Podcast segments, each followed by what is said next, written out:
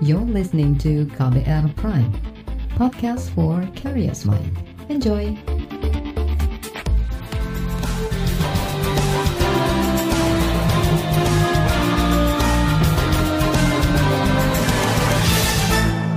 Disiarkan langsung dari studio KBR di Jakarta, inilah KBR sore hari ini tanggal 5 Agustus 2022. Saya Reski Mesanto siap untuk menjadi teman Anda selama kurang lebih 30 menit ke depan. Dan sore ini saya mau ajak Anda untuk membahas di mana Pak eh, topik kita di sore hari ini. Mungkin kalau Anda sedang mendengar informasi yang ramai diperbincangkan. Jadi kita akan membahas tentang roadmap 2024 potensi sorghum makin harum. Jadi kan pemerintah terus menyerukan kewaspadaan tinggi terkait krisis pangan dan energi global yang berkepanjangan. Untuk mengantisipasi krisis pangan, pemerintah membuka banyak lahan lumbung atau food estate. Misalnya di Kalimantan Tengah, Sumatera Utara, Nusa Tenggara Timur, sampai di Papua. Di NTT, pemerintah bahkan menyusun peta jalan atau roadmap hilirisasi sorghum hingga 2024. Mengapa pemerintah serius mengembangkan sorghum atau dalam bahasa Jawa biasa disebut jagung cantel? Ini apa saja yang harus diperhatikan pemerintah dalam mengupayakan substitusi komoditas dan diversifikasi pangan hingga ke pelosok daerah? Kita bahas selengkapnya sore ini di KBR Sore. Saudara Presiden Joko Widodo bertekad menghadapi krisis pangan global dengan menanam banyak bahan pangan selain padi. Pilihannya antara lain jagung, sagu, singkong, ubi porang hingga sorghum.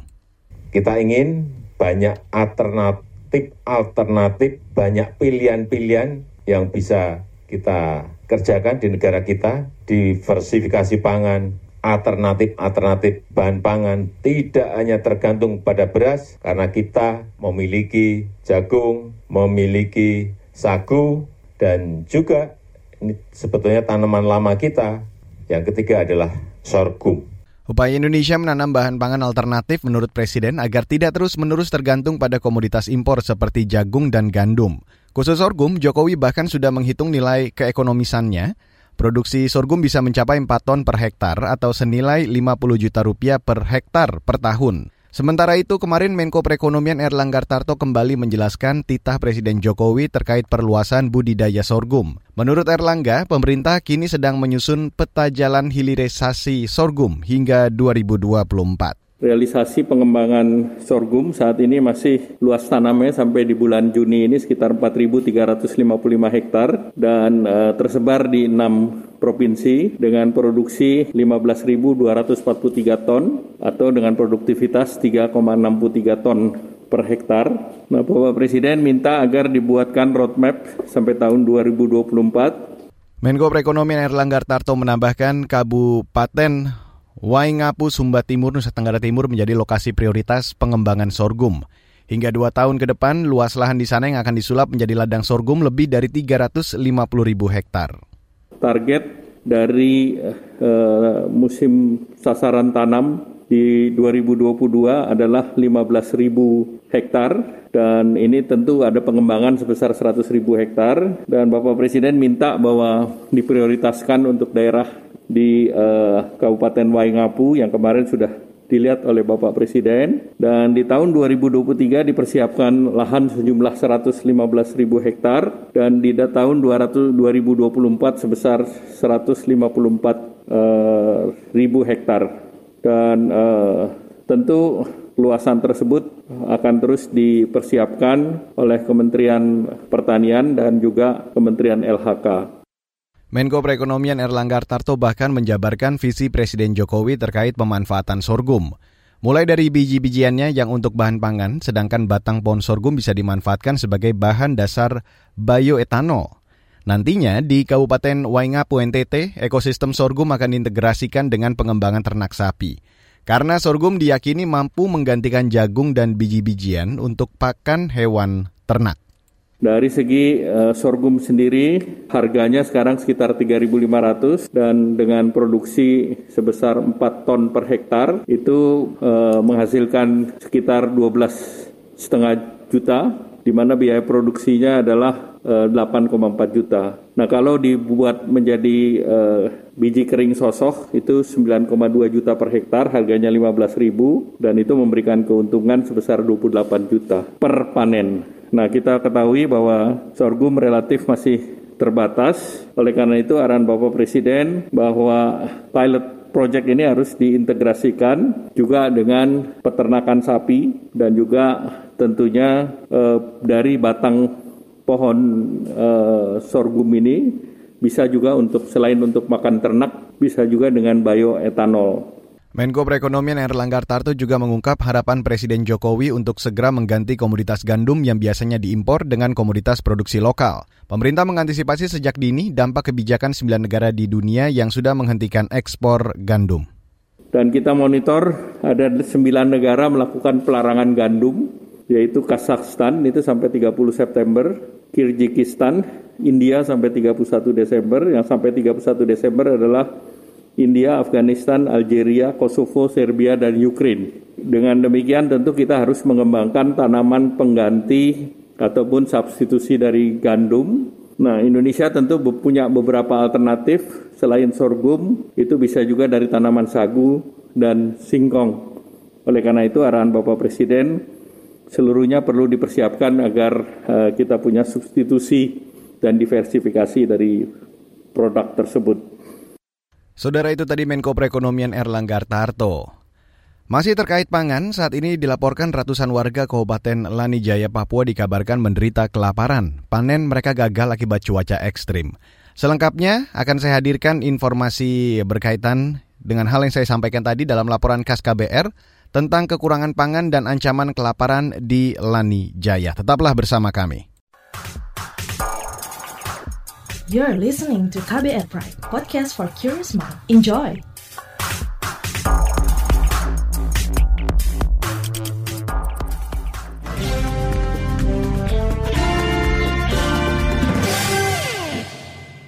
Saudara ratusan warga di Kabupaten Lanijaya, Papua, kekurangan bahan makanan dan terancam kelaparan. Salah satu penyebabnya ialah fenomena hujan es yang melanda daerah tersebut. Kondisi itu mengakibatkan tanaman pertanian dan perkebunan warga kering. Lantas, seperti apa penanganan dan situasi di sana? Selengkapnya saya ajak Anda untuk langsung mendengarkan laporan KAS KBR yang disusun jurnalis Sindu Darmawan. Presiden Joko Widodo menyebut pandemi COVID-19 di Indonesia masih belum berakhir hingga saat ini.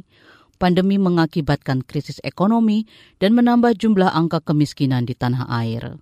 Data Badan Pusat Statistik BPS mencatat angka kemiskinan pada September 2020 naik 1,13 juta orang menjadi 27 juta orang jika dibandingkan Maret 2020 atau bulan ketika COVID-19 mulai terdeteksi di Indonesia. Saat ini, kondisi pandemi relatif lebih baik ketimbang dua tahun sebelumnya. Namun menurut Jokowi, dunia sedang dihadapkan dengan berbagai permasalahan seperti krisis pangan, krisis energi, dan krisis finansial. Krisis bahkan telah mengakibatkan ratusan juta rakyat dunia kelaparan dan jatuh ke jurang kemiskinan ekstrim.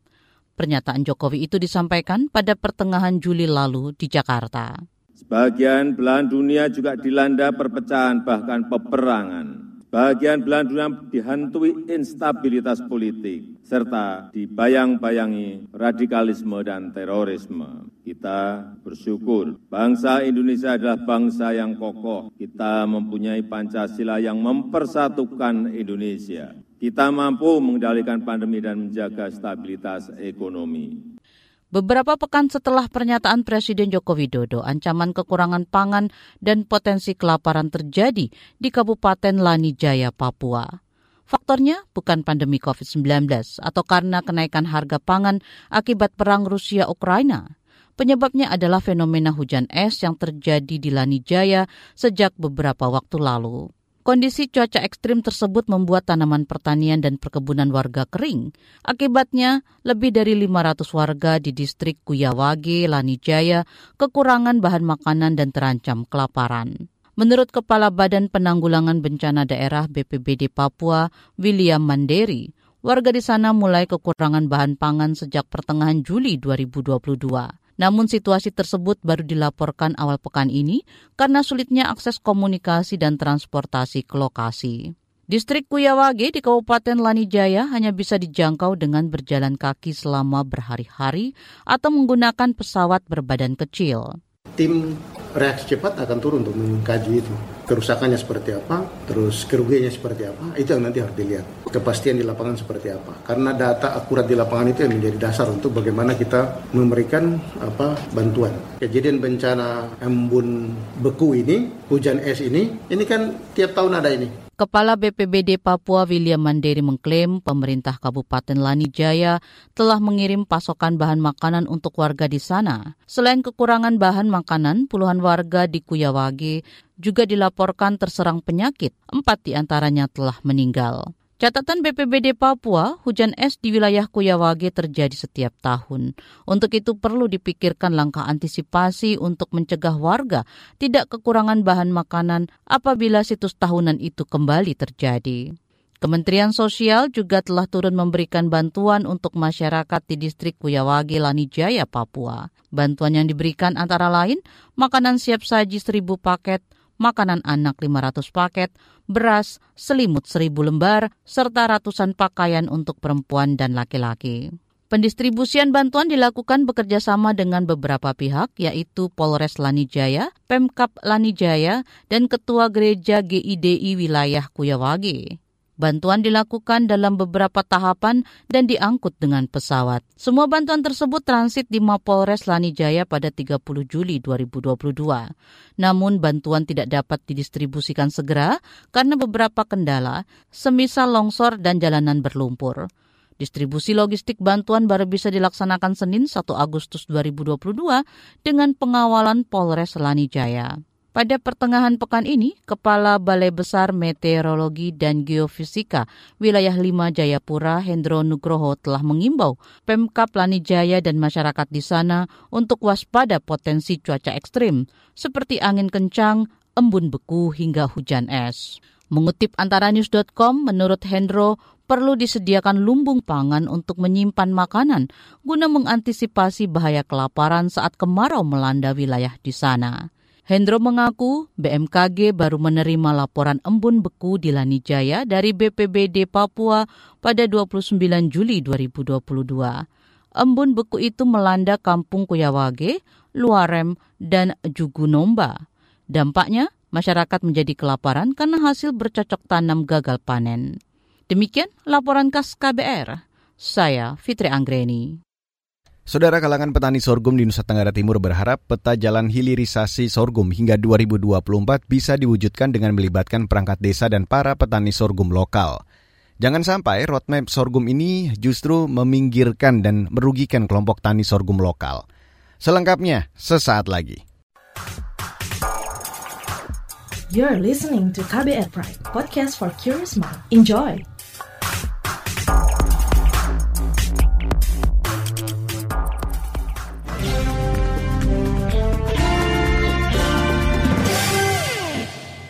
Saudara petani sorghum di daerah meminta pemerintah menggandeng kelompok tani sorghum lokal hingga perangkat desa dalam mewujudkan peta jalan hilirisasi sorghum hingga 2024.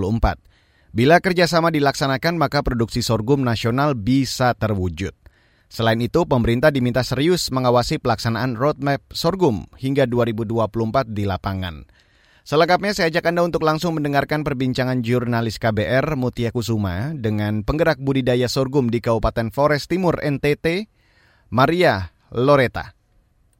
Presiden kemarin telah uh, mencanangkan adanya roadmap sorghum hingga 2024. Eh, ini bagaimana petani sorghum merespons rencana tersebut? Apakah ada kekhawatiran petani lokal itu bakal tergeser oleh pemodal dari pusat? Ya, ketika Presiden sudah menyampaikan dan memerintahkan untuk tanam sorghum, maka mulai dari bupati, camat sampai kepala desa, ya harus ikutlah dan bergerak ya, bergerak. Tetapi mungkin bisa dimulai dengan sosialisasi dulu, sepakat dulu seperti apa. Karena seribu kali pemodal masuk, kita kan sudah melihat contoh banyak banyak ya hmm.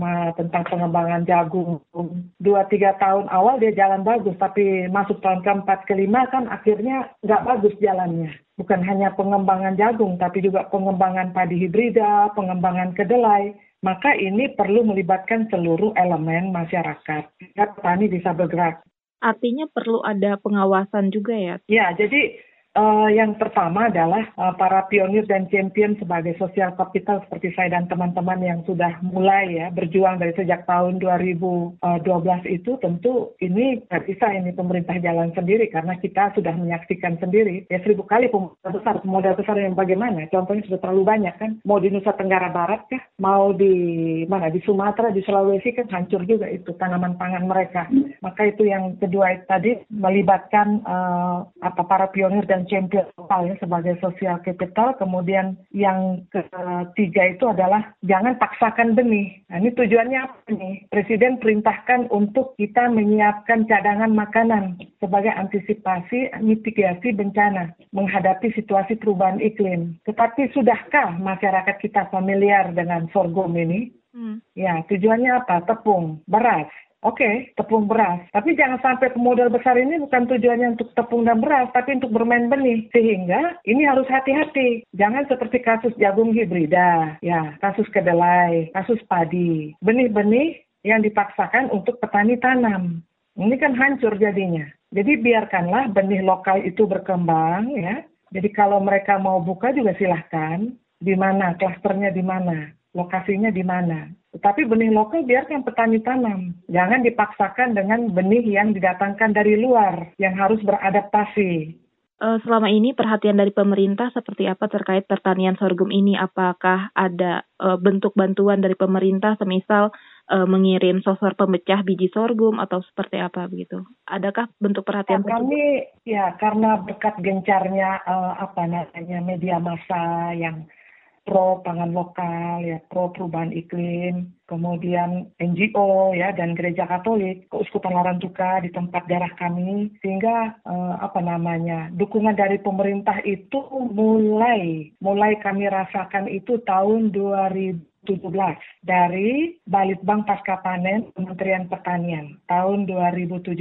Jadi berupa peralatan untuk penyosohan, eh perontokan, kemudian penyosohan, penepungan, pemerasan uh, sorghum yang batangnya manis ya. Jadi kita sudah mendapat dukungan dan perhatian. Kemudian kita juga mendapat dukungan penelitian di mana daerah yang kita kembangkan itu menjadi lokus pusat penelitian sorghum dari luar karena memang uh, untuk kondisi kita sangat bagus untuk pengembangan sorghum karena iklimnya dia mataharinya full ya, mataharinya full. Jadi bagus banget kalau untuk sorghum. Sementara di Jawa dengan perubahan iklim yang uh, curah hujan sangat tinggi termasuk di di Sulawesi, di Sumatera, maka potensial sangat besar NTT untuk kembangkan sorghum besar-besar dan uh, sebagian kecil di Nusa Tenggara Barat ini perlu mendapat dukungan. Tetapi dari kami, dari pihak kami, kami sudah pernah mendapat bantuan peralatan. Tetapi belum semua desa-desa yang kita dampingi dan belum semua petani sorghum itu mendapat perhatian dari pemerintah Indonesia. Sementara itu tadi penggerak budidaya sorghum di Flores Timur NTT Maria Loreta. Sementara itu, saudara pakar pertanian memberi catatan kepada pemerintah terkait pembuatan peta jalan hilirisasi sorghum. Apa saja catatan dan masukan pakar ekonomi pertanian? Selengkapnya sesaat lagi. You're listening to KBR Pride, podcast for curious mind. Enjoy!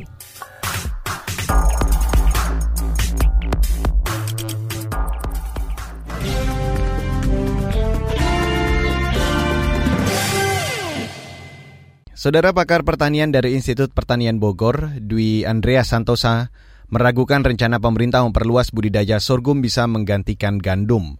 Menurut Dwi Andreas, peta jalan hilirisasi sorghum hingga 2024 yang kini dirancang pemerintah pun masih belum jelas. Apa dan bagaimana dampaknya kelak bagi petani sorghum di daerah? Berikut saya hadirkan perbincangan jurnalis KBR Siti Sadida bersama pakar pertanian dari Institut Pertanian Bogor, Dwi Andreas Santosa.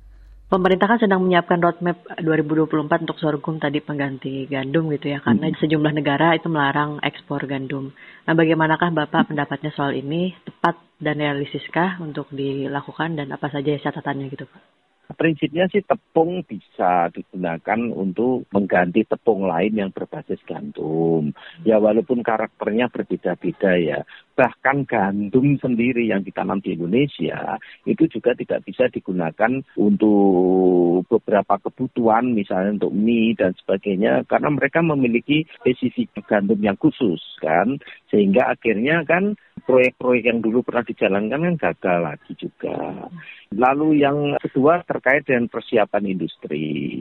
Apakah industri kita juga sudah siap menampung produk-produk dari sorghum tersebut, lalu kemudian diolah menjadi substitusi gandum. Lalu ketiga yang amat sangat penting yang ini yang menyebabkan mengapa upaya kita untuk mensubstitusi gandum itu tidak pernah berhasil terkait dengan harga. Hmm. Sekarang ini tepung yang termurah itu justru tepung gandum. Bahkan gandum pun lebih murah dibanding beras, bisa dibayangkan kan. Kalau pemerintah serius, maka pemerintah harus juga mendukung secara serius terkait juga pendanaan terkait juga dengan bagaimana tepung tersebut nantinya dari sisi harga bisa bersaing dengan tepung yang sekarang sekarang ada yaitu tepung gandum. Nah, industri hilirnya harus dipersiapkan.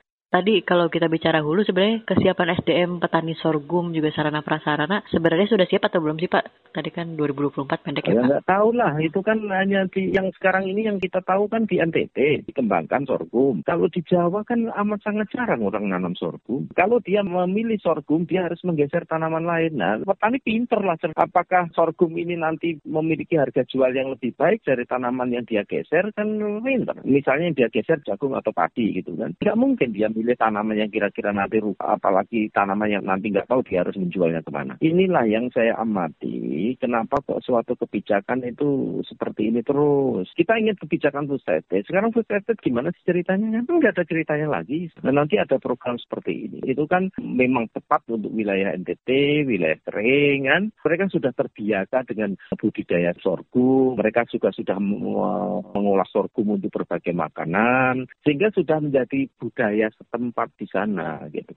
Nah, ketika budaya tersebut diindustrialisasi dengan cita-cita yang sedemikian tinggi untuk substitusi gandum, jawabannya boleh jadi nanti dulu. Apakah betul pemerintah siap dengan dana yang cukup besar kalau kita mengantisipasi krisis pangan secara menyeluruh dari ancaman yang terjadi di dunia mm-hmm. gitu ya, mm-hmm. langkah apa yang bisa dilakukan oleh Indonesia, misalnya diversifikasi pangan masing-masing daerah untuk memberdayakan tanaman lokal gitu Pak, bisakah dan komoditas apa saja yang kira-kira masih bisa dikembangkan? Kalau jawaban saya sederhana, sejahterakan petani gitu aja lah. Kalau petani sejahtera, tanpa disuruh pun dia akan nanam. Kenyataannya tidak demikian. Untuk padi sejak Februari 2021, nilai tukar petani tanaman pangan ya sebagian besar padi itu di bawah 100 rugi nanam padi. Apakah kita sudah serius meningkatkan kesejahteraan petani? Diversifikasi pangan itu sudah sejak kapan sih? 20 tahun yang lalu, 30 tahun yang lalu, hasilnya apa? Nol. Hasilnya justru impor pangan kita melonjak nggak karuan. Hanya dalam 10 tahun yang 8 komoditas utama melonjak hampir 20 juta ton. Apakah itu diversifikasi? Kan nggak sama sekali. Saudara itu tadi pakar pertanian dari Institut Pertanian Bogor, Dwi Andreas Santosa. Dan perbincangan tadi sekaligus menutup KBR sore untuk hari ini. Edisi 5 Agustus 2022. Terima kasih untuk Anda yang sudah bergabung sore hari ini. Selamat berakhir pekan dan ingat selalu patuhi protokol kesehatan di mana pun Anda berada. Saya Reski Mesanto undur diri. Salam.